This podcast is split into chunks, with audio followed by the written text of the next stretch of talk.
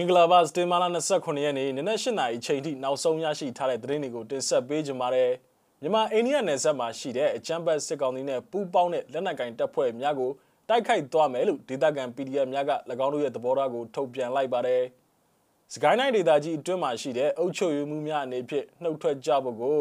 SPDF ကနောက်ဆုံးချိန်သတိပေးလိုက်ပါတယ်။ကလေးမျိုးနီးတိုက်ပွဲမှာအကြမ်းဖက်စစ်ကောင်စီဘက်က၃ထက်မနည်းသိမ်းဆုံးမှုတွေရှိခဲ့တယ်လို့သိရပါတယ်။ စတဲ့သတင်းအကြောင်းအရာတွေကိုသတင်းတောက်ကျွန်တော်ထွန်းထွန်းဝင်းကတင်ဆက်ပေးခြင်းပါတယ်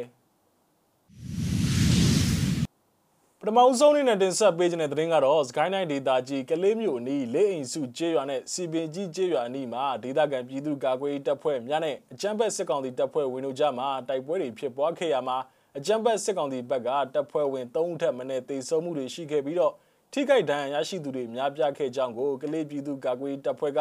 စတင်မာလာ26ရက်နေ့ညပိုင်းကသတင်းထုတ်ပြန်ထားပါတယ်။အကြမ်းဖက်စစ်ကောင်စီတပ်ဖွဲ့ဝင်အင်အားတရားဝန်းကျင်ခန့်ကကလေးမျိုးတောင်ဘက်ချင်းဆိုင်ရွာသို့ဝင်ရောက်မှွေနှောက်ခဲ့ပြီးတော့တာစီရွာမှတဆင့်အနောက်ရက်သို့ဥတီကစစ်ကြောင်းချီတက်လာခဲ့ရမှာစတင်မာလာ26ရက်နေ့မိုးလယ်2နာရီဝန်းကျင်ချိန်ခန့်မှာလေးအိမ်စုကျေးရွာနဲ့စီပင်ကြီးကျေးရွာတို့မှာကလေးပြည်သူကာကွယ်တပ်ဖွဲ့နဲ့ချင်းမျိုးသားကာကွယ်တပ်ဖွဲ့တို့ကကြားဖြတ်ပိတ်ဆို့တိုက်ခိုက်မှုတွေလှုပ်ဆောင်ခဲ့ကြောင်းကိုသိရပါတယ်။ တိုက်ပွဲတွေအတွင်းမှာအကြမ်းဖက်စစ်ကောင်စီအနည်းဆုံး3ဦးသေဆုံးပြီးတော့အများပြားထိခိုက်ဒဏ်ရာရရှိခဲ့တယ်လို့ကလေးပြည်သူကာကွယ်တပ်ကဆိုပါတယ်တိုက်ပွဲဖြစ်ပွားမှု2နာရီအချိန်အတွင်းမှာအကြမ်းဖက်စစ်ကောင်စီဘက်ကလက်နက်ကြီးများအုံပြုတိုက်ခိုက်ခဲ့ပြီးတော့အကြမ်းဖက်စစ်ကောင်စီတပ်သားများကစီပင်ကြီးကျေးရွာဘက်သို့လက်နက်ကြီးများဖြင့်ရန်တမ်းပစ်ခတ်မှုတွေပြုလုပ်ခဲ့ပြီးတော့စီပင်ကြီးရွာမှတဆင့်မျိုးလာအင်တိုင်းကုန်းကျေးရွာဘက်သို့ဆုတ်ခွာသွားကြောင်းသိရပါတယ်။ ဆိုပါတိုက်ပွဲအတွင်းမှာကလေးပြည်သူကာကွယ်တပ်ဖွဲ့နဲ့ချင်းမျိုးသားကာကွယ်တပ်ဖွဲ့တို့မှတပ်ဖွဲ့ဝင်9ဦးလက်နက်ကြီးထိမှန်ဒဏ်ရာရရှိခဲ့ကြောင်းကိုသတင်းထုတ်ပြန်ကြတဲ့မှာဖော်ပြထားပါတယ်။စတင်မာလာ25ရက်နေ့ကကလေးပြည်သူကာကွယ်တပ်ဖွဲ့ကအကြမ်းဖက်စစ်ကောင်စီတပ်နဲ့လက်နက်ကန်ပြူစောတိများကရပ်ဘက်3ကုန်တင်ကား၄စီးဆိုင်ကယ်၄စီးဖြင့်ဟန်တာဝရီကျေးရွာဘက်မှကလေးမျိုးဘက်သို့မောင်းနှင်လာချိန်မှာချင်းဆိုင်ကျေးရွာအနီးမှာရှိတဲ့ယထာတန်လန်းကုန်းကျော်မှာ မိုင်းခွဲတိုက်ခိုက်ခဲ့ပြီးတော့အကြမ်းဖက်စစ်ကောင်စီဘက်က၈ဦးသေဆုံးခဲ့ပါသေးတယ်ဆက်လက်ပြီးတင်ဆက်ပေးခြင်းတဲ့သတင်းကတော့မြန်မာအိန္ဒိယနယ်စပ်မှာရှိတဲ့ချင်းပြည်နယ်နဲ့စကိုင်းတိုင်းဒေသကြီးတို့ဘက်ချမ်းမှာလှုပ်ရှားနေကြတဲ့အကြမ်းဖက်စစ်ကောင်စီလက်အောက်ခံလူပုတ်ကိုများနဲ့လက်နက်ကင်အဖွဲ့အစည်းများကိုတိုက်ခိုက်သွားမယ်လို့ဒေသခံပြည်သူ့ကာကွယ်တပ်ဖွဲ့များက၎င်းတို့ရဲ့သဘောထားကိုထုတ်ပြန်ကြေညာခဲ့ပါတယ်။ကလေးပြည်သူ့ကာကွယ်တပ်ဖွဲ့နဲ့ Zomi Federal Union ဇိုလန်တို့က တွန်းဆန်မြို့နယ်တိတိတ်မြို့နယ်နဲ့ကလေးကပေါ်ဒေသများအတွင်းမှာတော်လန်ရေးအဖွဲ့တီးတီးနဲ့ပြည်သူ့ကာကွယ်ရေးအဖွဲ့များကိုနှောက်ယှက်ကာအကြမ်းဖက်စစ်ကောင်စီကိုတနည်းနည်းဖြင့်ပူးပေါင်းကြတဲ့အိန္ဒိယမြန်မာနယ်စပ်တစ်လျှောက်မှာရှိတဲ့လူပုဂ္ဂိုလ်များနဲ့လက်နက်ကင်အဖွဲ့အစည်းများကိုပြန်လည်တိုက်ခိုက်ချိန်မုံသွားမယ်လို့၎င်းတို့ရဲ့သဘောထားကိုပြောဆိုခဲ့ပါတယ်။တစ်ဆက်တည်းမှာပဲတွန်းဆန်မြို့နယ်တိတိတ်မြို့နယ်ကလေးကပေါ်ဒေသများအတွင်းမှာအကြမ်းဖက်စစ်ကောင်စီကိုပူးပေါင်းကြတဲ့လူပုဂ္ဂိုလ်များလက်နက်ကင်အဖွဲ့အစည်းများနဲ့ပတ်သက်ဆက်နွယ်သူများရဲ့အချက်အလက်များ လှုပ်ရှားမှုအလုံးကိုစုံစမ်းမှတ်တမ်းတင်ထားပြီးတော့အရေးယူဆောင်ရွက်သွားမှာဖြစ်ကြောင်းကိုလည်းကလေးပြည်သူ့ကာကွယ်တပ်ဖွဲ့နဲ့ Zomi Federal Union Zolan ကစတင်မာလာ26ရက်နေ့ရက်စွဲဖြင့်သတင်းထုတ်ပြန်ကြေညာခဲ့တာပါလက်ရှိအချိန်မှာတော့အကြမ်းဖက်စစ်ကောင်စီတပ်ရဲ့လက်အောက်ခံနေဖြင့်ကတဲ့တပုံတို့ကမြန်မာနယ်စပ်နဲ့ချင်းပြည်နယ်တဝိုက်မှာလှုပ်ရှားမှုတွေရှိနေကြောင်းသိရပါတယ်ပြီးခဲ့တဲ့မေလ17ရက်နေ့ကလည်းအကြမ်းဖက်စစ်ကောင်စီတပ်နဲ့အတူကတဲ့တပုံတို့ပူးပေါင်းအဖွဲ့ကမြို့သားညီညွတ်ရေးအစိုးရလက်အောက်ခံ တမူးပြည်သူ့ကာကွယ်တပ်ဖွဲ့တို့တိုက်ပွဲတွေဖြစ်ပွားခဲ့ပါသေးတယ်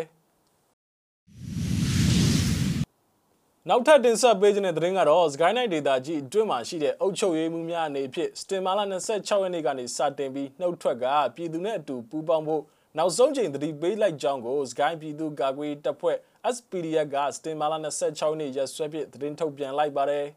အကြံဖက်စစ်ကောင်စီခန့်ရက်ွက်အုပ်ချုပ်ရေးမှုများအနေဖြင့်စတင်မာလာ26ရက်နေ့ကနေစတင်ပြီး နှုတ်ထွက်ကပြည်သူနဲ့အတူပူးပေါင်းကြဖို့နောက်ဆုံးချိန်သတိပေးတိုက်တွန်းပါတယ်လို့စကိုင်းပြည်သူ့ကာကွယ်တပ်ဖွဲ့ကဆိုပါတယ်အလားတူစကိုင်းမြို့နယ်အတွင်းမှာရှိတဲ့အကြမ်းဖက်စစ်ကောင်စီလောက်မှာရှိတဲ့ဝန်ထမ်းများအားလုံးပြည်သူရင်ဝင်ကိုအမြန်ဆုံးခိုလုံကြရန်နောက်ဆုံးချိန်အဖြစ်သတိပေးကြောင်းကိုလည်းထုတ်ပြန်ကြတဲ့မှာရေးသားဖော်ပြထားပါတယ်စကိုင်းတိုင်းဒေသကြီးအတွင်းမှာရှိတဲ့ရင်းမာပင်ကနီပလဲကလေးကတာနဲ့ဒီပဲရင်စတဲ့မြို့နယ်များမှာဒေသခံပြည်သူကာကွယ်တပ်ဖွဲ့များနဲ့ အကြမ်းဖက်စစ်ကောင်စီတပ်တို့ကြားမှာနေ့စဉ်ဆိုသလိုတိုက်ပွဲတွေဖြစ်ပွားနေတာပါပြီးခဲ့တဲ့ရပိုင်းတွင်းကလည်းမကွေးတိုင်းဒေသကြီးအတွင်းမှာရှိတဲ့ပြည်သူ့ကာကွယ်တပ်ဖွဲ့များကအကြမ်းဖက်စစ်ကောင်စီကခံအပ်တဲ့အုပ်ချုပ်ရေးမှုများနေဖြင့်နှုတ်ထွက်ကြဖို့ကိုလည်းတတိပေးထားပါသေးတယ်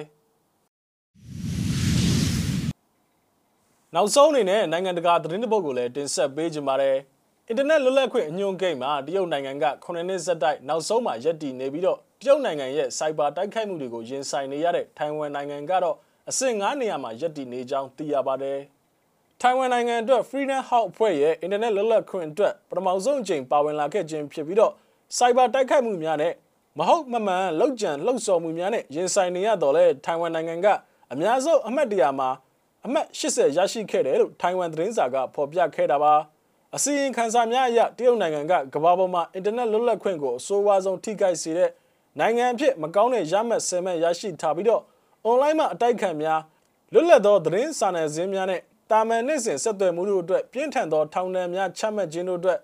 တရုတ်နိုင်ငံကိုပြစ်တင်ဝေဖန်ခဲ့ပါတယ်။ COVID-19 နဲ့ပတ်သက်တဲ့သတင်းအချက်အလက်များအားစင်စာဖြတ်တောက်ခြင်းအတွက်တရုတ်ကို Freedom House ကပြစ်တင်ရှုတ်ချခဲ့တယ်လို့ထိုင်ဝမ်သတင်းကဖော်ပြခဲ့တာပါ။စိုက်ဘာတိုက်ခိုက်မှုများဟာကမ္ဘာလုံးဆိုင်ရာချိန်ချောက်မှုတစ်ခုဖြစ်လာနေပြီးတော့ယခုအခါမှာတော့နိုင်ငံများစွာကကြီးထွားလာနေတဲ့ စိုက်ဘာရာဇဝတ်မှုများချိန်ချောက်မှုများကိုအာယုံစိုက်လုပ်ကန်နေရသလိုထိုင်ဝမ်နိုင်ငံကလည်းတရုတ်နိုင်ငံရဲ့စစ်ရေးဖိအားနဲ့စိုက်ဘာတိုက်ခိုက်မှုများကိုများစွာရင်ဆိုင်နေရကြောင်းသိရပါတယ်။ထိုင်ဝမ်နိုင်ငံကပြင်းထန်တဲ့စိုက်ဘာတိုက်ခိုက်မှုများစုကိုခုခံကာကွယ်နိုင်ခဲ့တယ်လို့ဆိုထားတာပါ။ထို့ပေါက်ဝင်ရောက်ခံရမှုရာဂနန်းအနက်အနှဲငယ်ကိုသာအစိုးရကအရေးကြီးတဲ့တိုက်ခိုက်မှုတွေဖြစ်သတ်မှတ်ခဲ့ကြောင်းသိရပါတယ်။ပြီးခဲ့တဲ့မတ်လအတွင်းက Microsoft ရဲ့ email ဝန်ဆောင်မှုကိုတိုက်ခိုက်ခြင်းပါဝင် ကမ္ဘာတဝန်းလုံးမှာရန်လိုသောတိုက်ခိုက်မှုများအတွက်တရုတ်နိုင်ငံရဲ့ဟက်ကာများနဲ့ရာဇဝတ်မှုဆိုင်ရာစာချုပ်များချုပ်ဆိုပြီးတော့ပြုလုပ်ခဲ့ကြတဲ့ဇူလိုင်လအစောပိုင်းမှာအမေရိကန်ဥရောပသမဂ္ဂနဲ့အခြားမဟာမိတ်များက